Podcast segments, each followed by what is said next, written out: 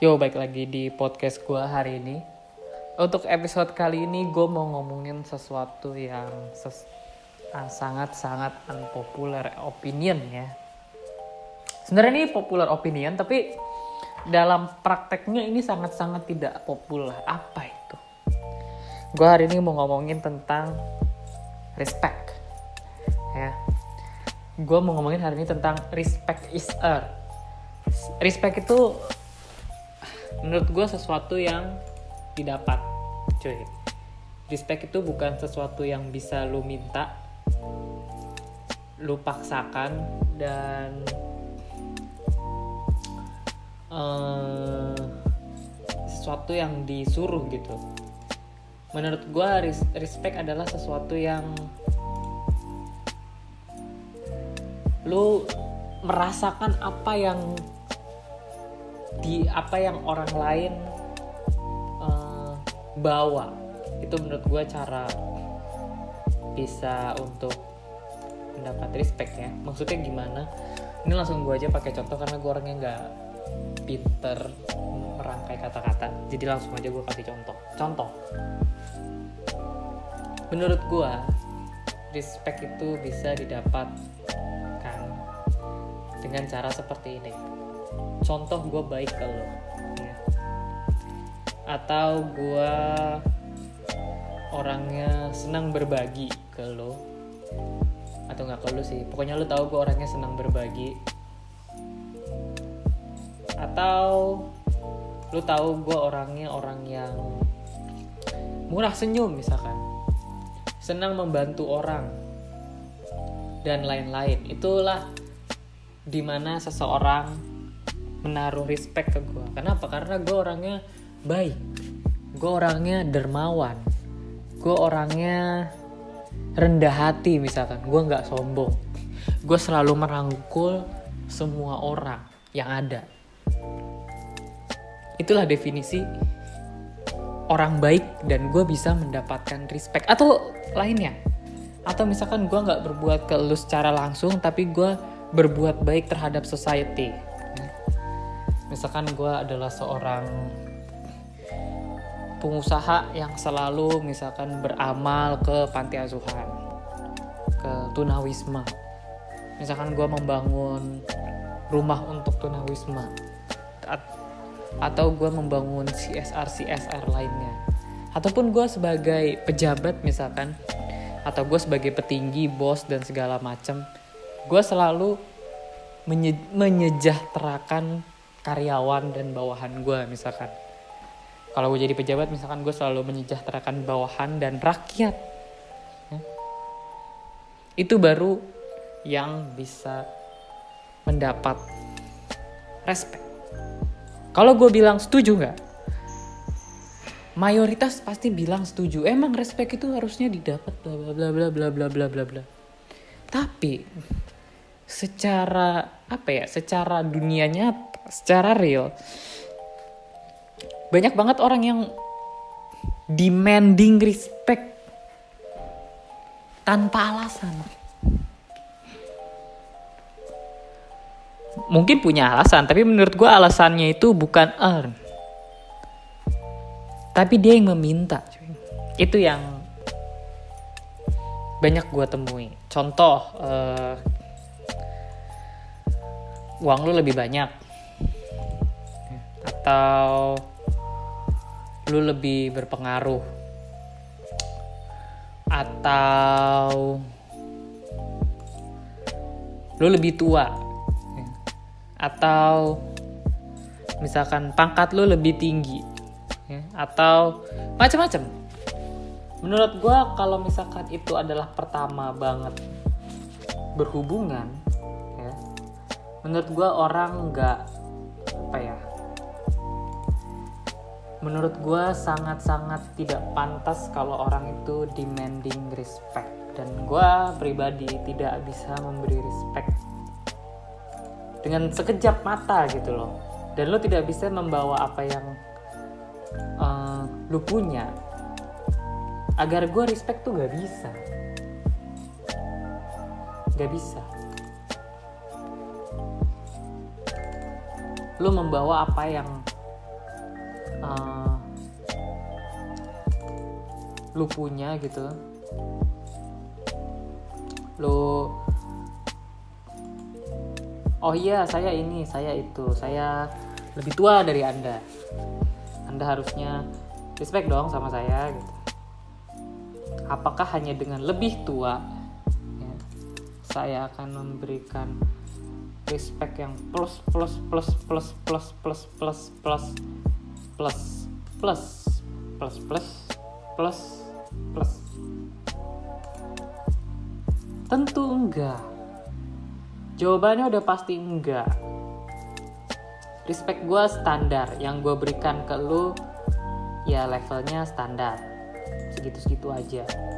Respect apa ya? Menurut gue kalau bahasa gue pribadi sih ini namanya adalah uh, startup point ya. Jadi gue selalu memberikan respect yang standar lah dalam artian tidak terlalu tinggi tapi gue juga nggak underestimate jadi ya biasa aja. Ini yang biasa gue lakuin. Gue memberikan orang standar uh, secara apa ya secara biasa aja secara gue nggak yang aneh-aneh. Tapi sebagian orang sebagian orang itu nggak suka kalau gue kasih respect standar-standar aja. Dia maunya lebih cuy. Kenapa? Karena dia memiliki sesuatu yang gue nggak punya. Tapi sorry to say ya gue nggak bisa ngelakuin itu. Gue nggak gue nggak akan mampu karena apa ya? Karena karena hati gue sendiri tuh nggak terima gue memberikan itu. Jadi nggak bisa langsung begitu aja. Nah sekarang apa yang bisa dilakukan yang bisa dilakukan adalah manusia-manusia ini menurut gue adalah ya lu melakukan sesuatu yang lebih. Lu butuh dari sekedar first impression menurut gue emang first impression tuh bagus sih cuman maksud gue lu butuh dari sekedar itu. Kalau lu ken kenalan sama gue halo gitu gue lebih tua dari lu dan gue demand respect gitu ya. Sampai sampai kapan pun kalau begitu doang gue sih nggak bisa. Dan gue nggak bisa kasih sorry to say. Tapi cobalah lo lakukan sesuatu gitu ya. Misal uh, misal untuk beberapa hari ke depan lu baik banget sama gue atau nggak usah beberapa hari ke depan deh. Untuk berapa minggu tahun bulan ke depan lu baik sama gue nih itu gue pribadi akan langsung terjun dan memberikan lu sebuah respect. Gak usah khawatir. Dan gak usah bingung gitu. Gak usah khawatir and gak usah bingung and gak usah terlalu banyak dipikir. Gue akan memberikan respect terhadap lo terhadap kalian siapa pun itu itu secara otomatis. Jadi gak usah apa ya? Gue sampai bingung sendiri bikin kata-katanya. Gak usah dipaksakan. Itu poin gue yang pertama. Nah sekarang gue mau cerita gimana caranya gue memberikan atau meninggikan respect gue terhadap orang lain. Nah kemarin gue udah ngomong kan kalau tadi kemarin lagi. Tadi gue tadi tuh gue udah ngomong kan kalau gue pertama memberikan base respect terhadap orang itulah yang selalu gue lakukan. Gue memberikan orang dengan respect yang sama. Siapa pun lu di mana pun lu berada sebanyak apa pun duit lo setua apa pun diri lo gue tetap memberikan sebuah uh, respect yang sama. Jadi nggak usah terlalu dipikir. Nah apa yang gue lakukan selanjutnya? Apa yang gue lakukan selanjutnya adalah menyortir ya. menyortir respect itu based on uh, sesuatu yang mereka sudah lakukan di belakang. Maksudnya apa? Maksudnya begini. Let's say let's say gue masuk kuliah gitu ya. Gue punya teman misalkan yang umurnya lebih tua dari gue karena kan banyak ya. Anak-anak kuliah dengan umur yang lebih tua. Misalkan dia telat masuk atau something lah gitu. Akhirnya umurnya lebih tua. Mungkin beda dua tahun mungkin beda tiga tahun. Mungkin beda, juga beda setahun who knows. Dengan dosen. Sesuai dengan teori gue gue akan memberikan respect yang sama persis base-nya. Itu pertama. Respect yang sama persis base-nya. Tapi gue akan menyortir based on dari pertama ya dari eh, pengalaman. Yang pasti yang pasti pengalaman seorang dosen sudah lebih banyak dari pengalaman mahasiswa bener dong? Nggak mungkin enggak nah jadi gue pasti akan lebih respect ke gue akan menaikkan respect gue misalkan poinnya 10 ke dosen tapi gue gak naikin respect poin atau meteran respect gue ke teman gue misalkan kayak gitu.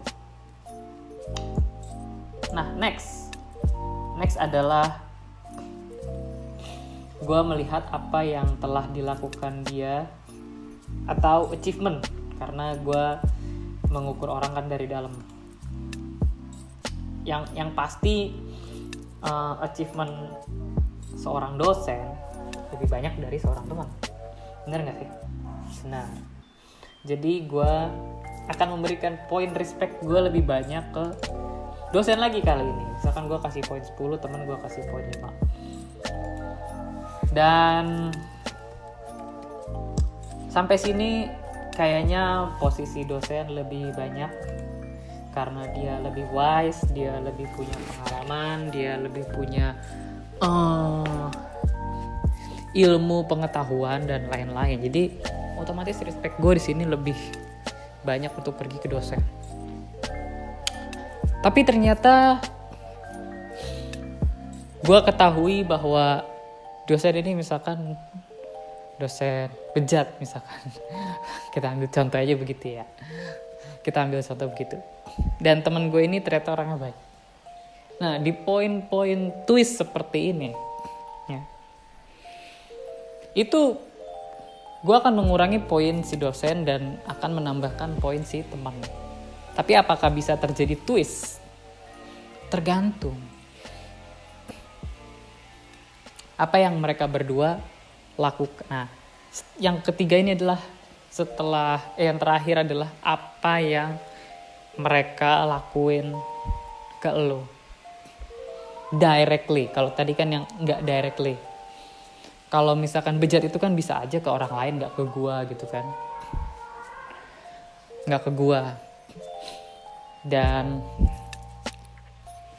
meskipun itu nggak ke gua tapi kan dia sudah mengurangi nilai di dalam penilaian respect gua. Nah sekarang apa yang mereka lakukan ke lo misalkan si teman ini baik banget. Baik. Banget. Sekarang sementara misalkan bapak dosen ini misalkan orangnya sangat angkuh gitu misalkan. Sombong. Ya. Misalkan semau mau dia lah tanpa memikirkan perasaan mahasiswa misalkan. Bisa jadi dengan dua poin terakhir. Dua kejadian terakhir. Nilainya itu akan berbalik cuy. Gue akan lebih respect ke temen gue yang baik dan penuh etos usaha meskipun dia goblok. Meskipun dia eh, nggak uh, cemerlang gitu. Daripada misalkan seorang dosen profesor dokter guru besar yang punya attitude jelek. Gue pasti akan berbalik hati. Dan di sini biasanya kalau gue udah mulai nggak acuh atau siapa pun di dunia ini karena semua orang menurut gue punya penilaian kok dan sewaktu-waktu bisa berubah. Lu pasti pernah males sama seseorang atasan lu atau kenapa. Atasan lu terlalu bawel atasan lu terlalu pelit atau apalah banyak yang membuat lu sudah hilang respect terhadap dia.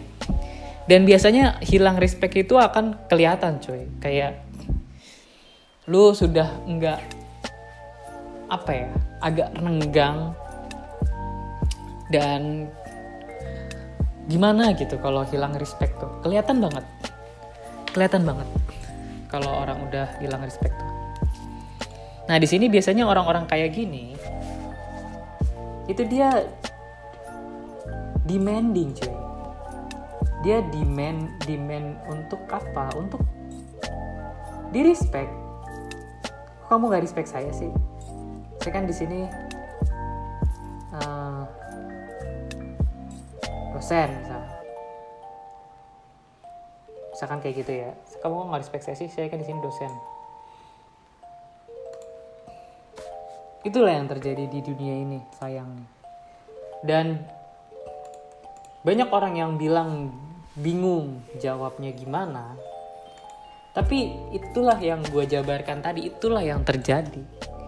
Semua orang punya penilaian respectnya masing-masing. Dan di saat respectnya sudah hilang, ya sudah. Itu udah nggak bisa untuk dikembalikan.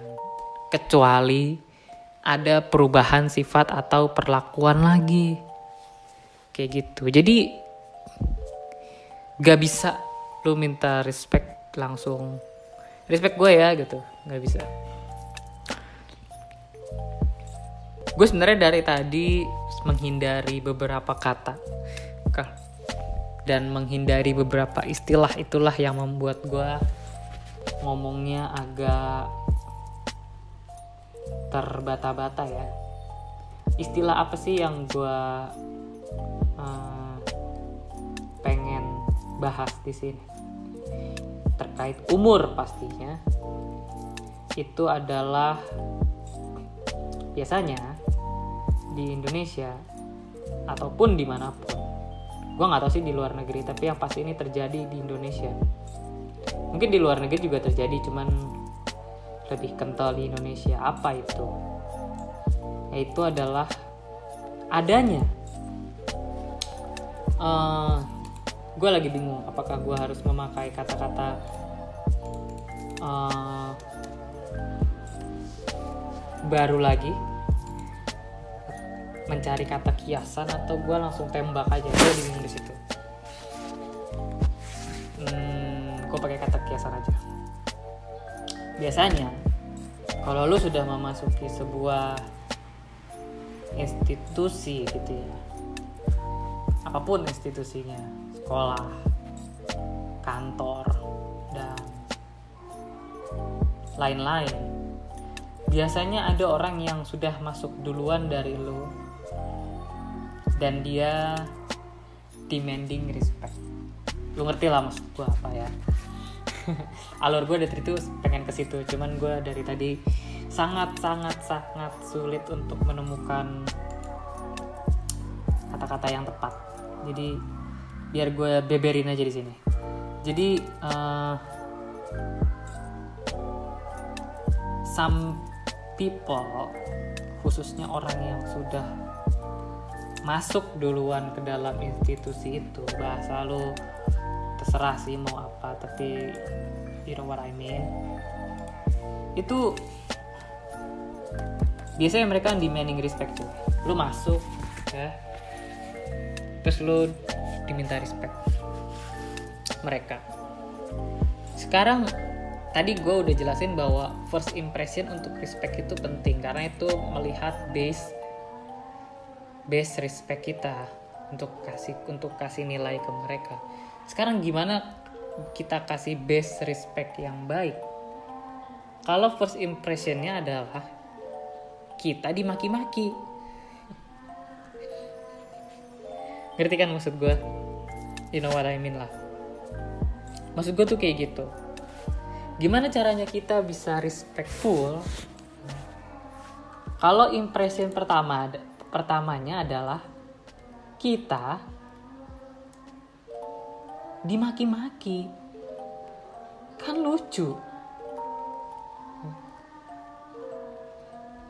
Ini hal yang sangat sangat sangat sangat lucu aneh bin ajaib menurut gue ya. Karena baru ada kali ini orang demanding respect setelah uh, setelah berbuat seperti itu. Kalau gue nonton Smackdown ya setelah lu respect gue nggak? Kayak kayak kayak storyline-nya Roman Reigns gitu ya. Lu respect gue nggak? Kalau enggak lu gue tonjokin. Itu menurut gue hal yang uh, itu menurut gue hal yang normal. Kenapa? Karena itu smackdown cuy. Itu bohongan.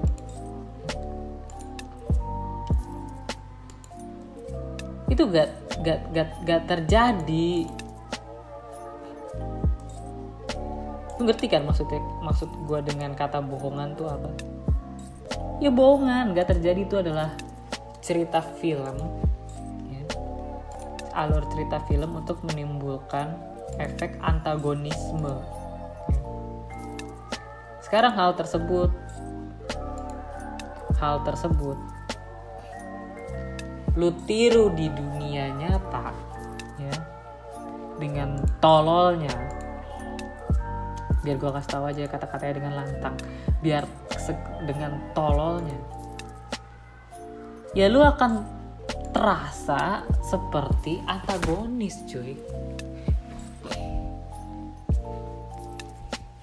Gimana sih pikirannya tuh? Gue nggak ngerti.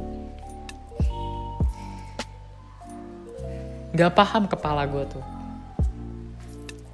seorang Roman Reigns mukulin orang lain terus dia demanding respect gitu ya. Respect me. Itu karena itu menimbulkan kesan antagonisme cuy. Jadi agar di saat Roman Reigns itu berkelahi bergelut kita nggak akan dukung dia. Kenapa? Karena itu kita akan misalnya dukung John Cena. Kita nggak mungkin dukung Roman Reigns. Kenapa? Karena ada hawa antagonisme. Nah sekarang lu coba kayak gitu di dunia nyata. Dan lu berharap orang-orang yang masuknya baru ke dalam institusi tersebut memberikan respect. Itu kepalanya tuh di mana sih? Gak paham gitu loh. Pun sama seperti orang tua. Ini juga sama. Ini sebenarnya sifat yang diulang-ulang ya. Orang tua kalau punya anak kayak gini, itu nantinya uh, malah lu pecut, ya. Terus setelah itu hormati saya sebagai bapak gitu misalkan. Tapi anak lu tuh lu pecutin dulu atau lu gaplokin. Di mana-mana hal kayak gitu itu bakal menimbulkan uh, apa ya rasa benci rasa pokoknya apa ya menurutku sih sesuatu perasaan yang buruk. Bentuknya sih macam-macam. Bisa balas dendam bisa benci bisa marah bisa atau misalkan dia terlalu submisif dia terlalu takut dia terlalu pendiam dia terlalu nurut gitu ya. Gue ini uh, membangun habit untuk berdebat. Ya. Meskipun perdebatan gue ini gak selalu menang karena ya namanya juga manusia kita nggak ada yang sempurna. Perdebatan gue nggak selalu menang dan argumen gue nggak selalu benar. tapi biasakanlah berdebat dan mempertanyakan apakah ini baik gitu apakah ini baik? Apakah memang ini jalannya tidak adakah jalan yang lebih smooth? Ya, untuk demanding respect. Orang minta respect tapi pukulin gitu. Kan lucu. Jatuhnya takut lah. Dan lu udah tahu kalau lu merasa agak sebel-sebel dikit tapi sebagian orang dalam institusi ini dengan bodohnya mengulangi kelakuan yang sama.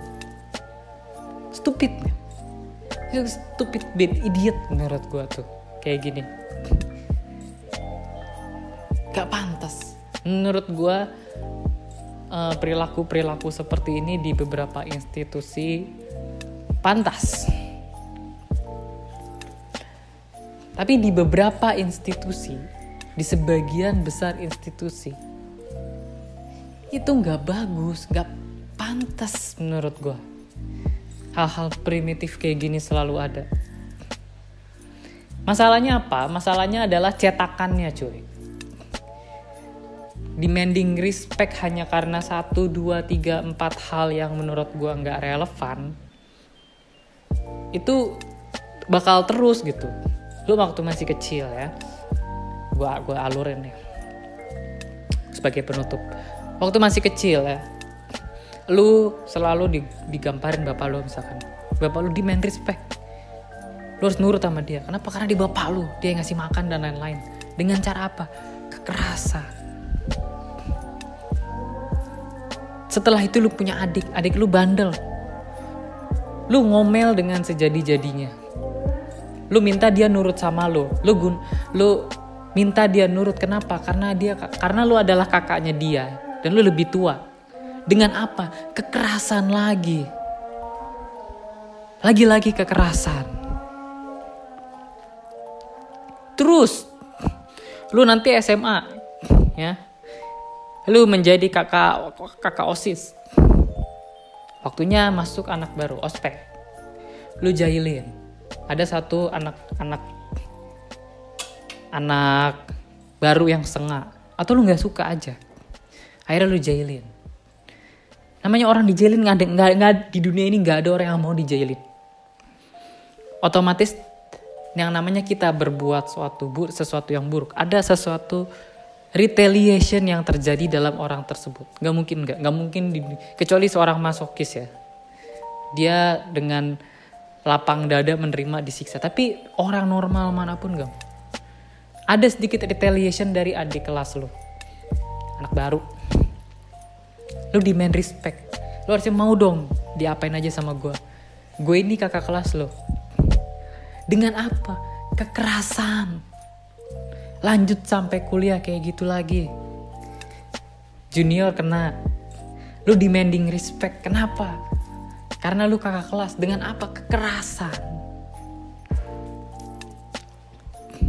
Dengan alasan-alasan bullshit lu itu untuk jadi orang. Untuk jadi orang yang lebih kuat imannya, mentalnya. Itu bullshit. Itu akan menciptakan orang yang senang melakukan kekerasan. Udah gitu aja. Dan jadi babu. Begitupun lu di saat lu baru masuk SMA. Lu akan jadi babu oleh kakak kelas lu kenapa karena kultur kultur babu membabu ini yang gue nggak suka. Begitupun di saat lu kerja ya. Bagi pas baru masuk lu tuh jadi babu. Kenapa lu? Karena sudah kultur babu tuh sudah merasuk dalam diri lu. 10 tahun kemudian lu jadi manajer lu balik demanding respect sama karyawan baru dengan apa? Kekerasan lu ngomel-ngomel tiap hari. Lu bragging kalau lu tuh manajer lu tuh bragging kalau lu kerja di situ udah 10 tahun. Sekolah juga gitu. Lu bragging kalau lu udah kuliah selama lima tahun. Jadi lu demanding respect. Lu di lu bragging kalau lu SMA ya udah tiga tahun. Jadi lu demanding respect. Ya. kerja. Lu nikah lu punya anak. Keadaannya kan terus berulang lo akan sedikit kasar ke anak lo. Kenapa? Lo demanding respect. Lo berharap anak lo menjadi babu seperti lo saat lo masih kecil. Dan di saat anak lo punya opini sendiri lo nggak suka lo demanding respect. Dengan apa? Kekerasan. Kenapa semuanya harus pakai kekerasan? Why? Kenapa? Itu yang gue nggak ngerti. Gue itu selalu suka beranonimus di mana-mana sialan tuh motor. Gue selalu suka beranonimus di mana-mana. Ke mana pun gue pergi ke mana pun gue melaju gue lebih baik jadi seorang yang anonim. Ya. kalau misalkan gue balik ke SMA lama gue atau ke sekolah lama gue gue better bahwa orang-orang gak ada yang kenal gue lagi. Itu menurut gue lebih better apakah gue datang terus tiba-tiba, weh gue uh, alumni nih guys, jadi hormatin gue ya gitu. Gue minta mobil gue turun dibukain pintu gitu. Atau gue minta gerbangnya dibukain, jalannya dituntun, digendong kalau bisa. Apa kayak gitu? Ya enggak lah aneh dunia ini tuh tentang respect. Kenapa orang gila respect? Itu yang pertama. Kedua kenapa lu tuh selalu meminta respect dari hal-hal yang menurut gue nggak relevan? Lebih tua sedikit. Duluan. Duluan itu belum tentu lu yang lebih jago cuy. Kemarin gue habis nonton film film lagi series Queen's Gambit. Ya dia ini masih muda dia bisa ngalahin bapak-bapak. Jadi apakah bapak-bapak bisa demanding respect ke dia? Karena dia lebih dulu main catur. Ya enggak. Di mata dunia ya. bapak-bapak ini respectnya udah turun. Kenapa? Meskipun dia yang lebih duluan main catur tapi dia kalah. Lebih cupu jadi respect orang akan shift. Begitulah dunia. Itu yang ini inilah hal-hal orang yang menurut gue gila respect itu harus sadar. Lu tuh nggak bisa mendapat respect karena lu duluan lebih tua dan semacam itu nggak bisa. Nggak akan bisa. Jadi terima aja bahwa respect lu tuh abis di situ. Seriusan terima bahwa respect lu tuh abis di situ. Jadi udah jangan ngapa-ngapain lah. Lu harus membangun reputasi kalau mau di respect tuh lo jadi manajer. Jadilah manajer yang baik. Jadilah manajer yang ramah. Ya. kalau lo jadi senior let's say ya. Jadilah senior yang uh, baik. Jadilah senior yang ramah jadilah senior yang membantu uh, ada membantu junior lu tanpa pamrih gitu. Itu kalau lu kayak gitu tuh dengan sendirinya respect akan datang tanpa lu minta. Gue kasih tahu aja. Respect akan datang sendiri tanpa lu minta meskipun orang mungkin kelihatan di luar sengak tapi bukan sengak menurut gue karena orang itu sudah apa ya orang itu sudah asik aja sama lo. Orang sudah memberikan respectnya dan orang cukup nyaman berada di dekat lo. Jadi orang agak apa ya agak nggak canggung itu yang sebenarnya terjadi kalau orang sengak. Bukan orang sengak, tapi orang tuh sudah oh iya ya udah nggak canggung dia baik orangnya kayak gitu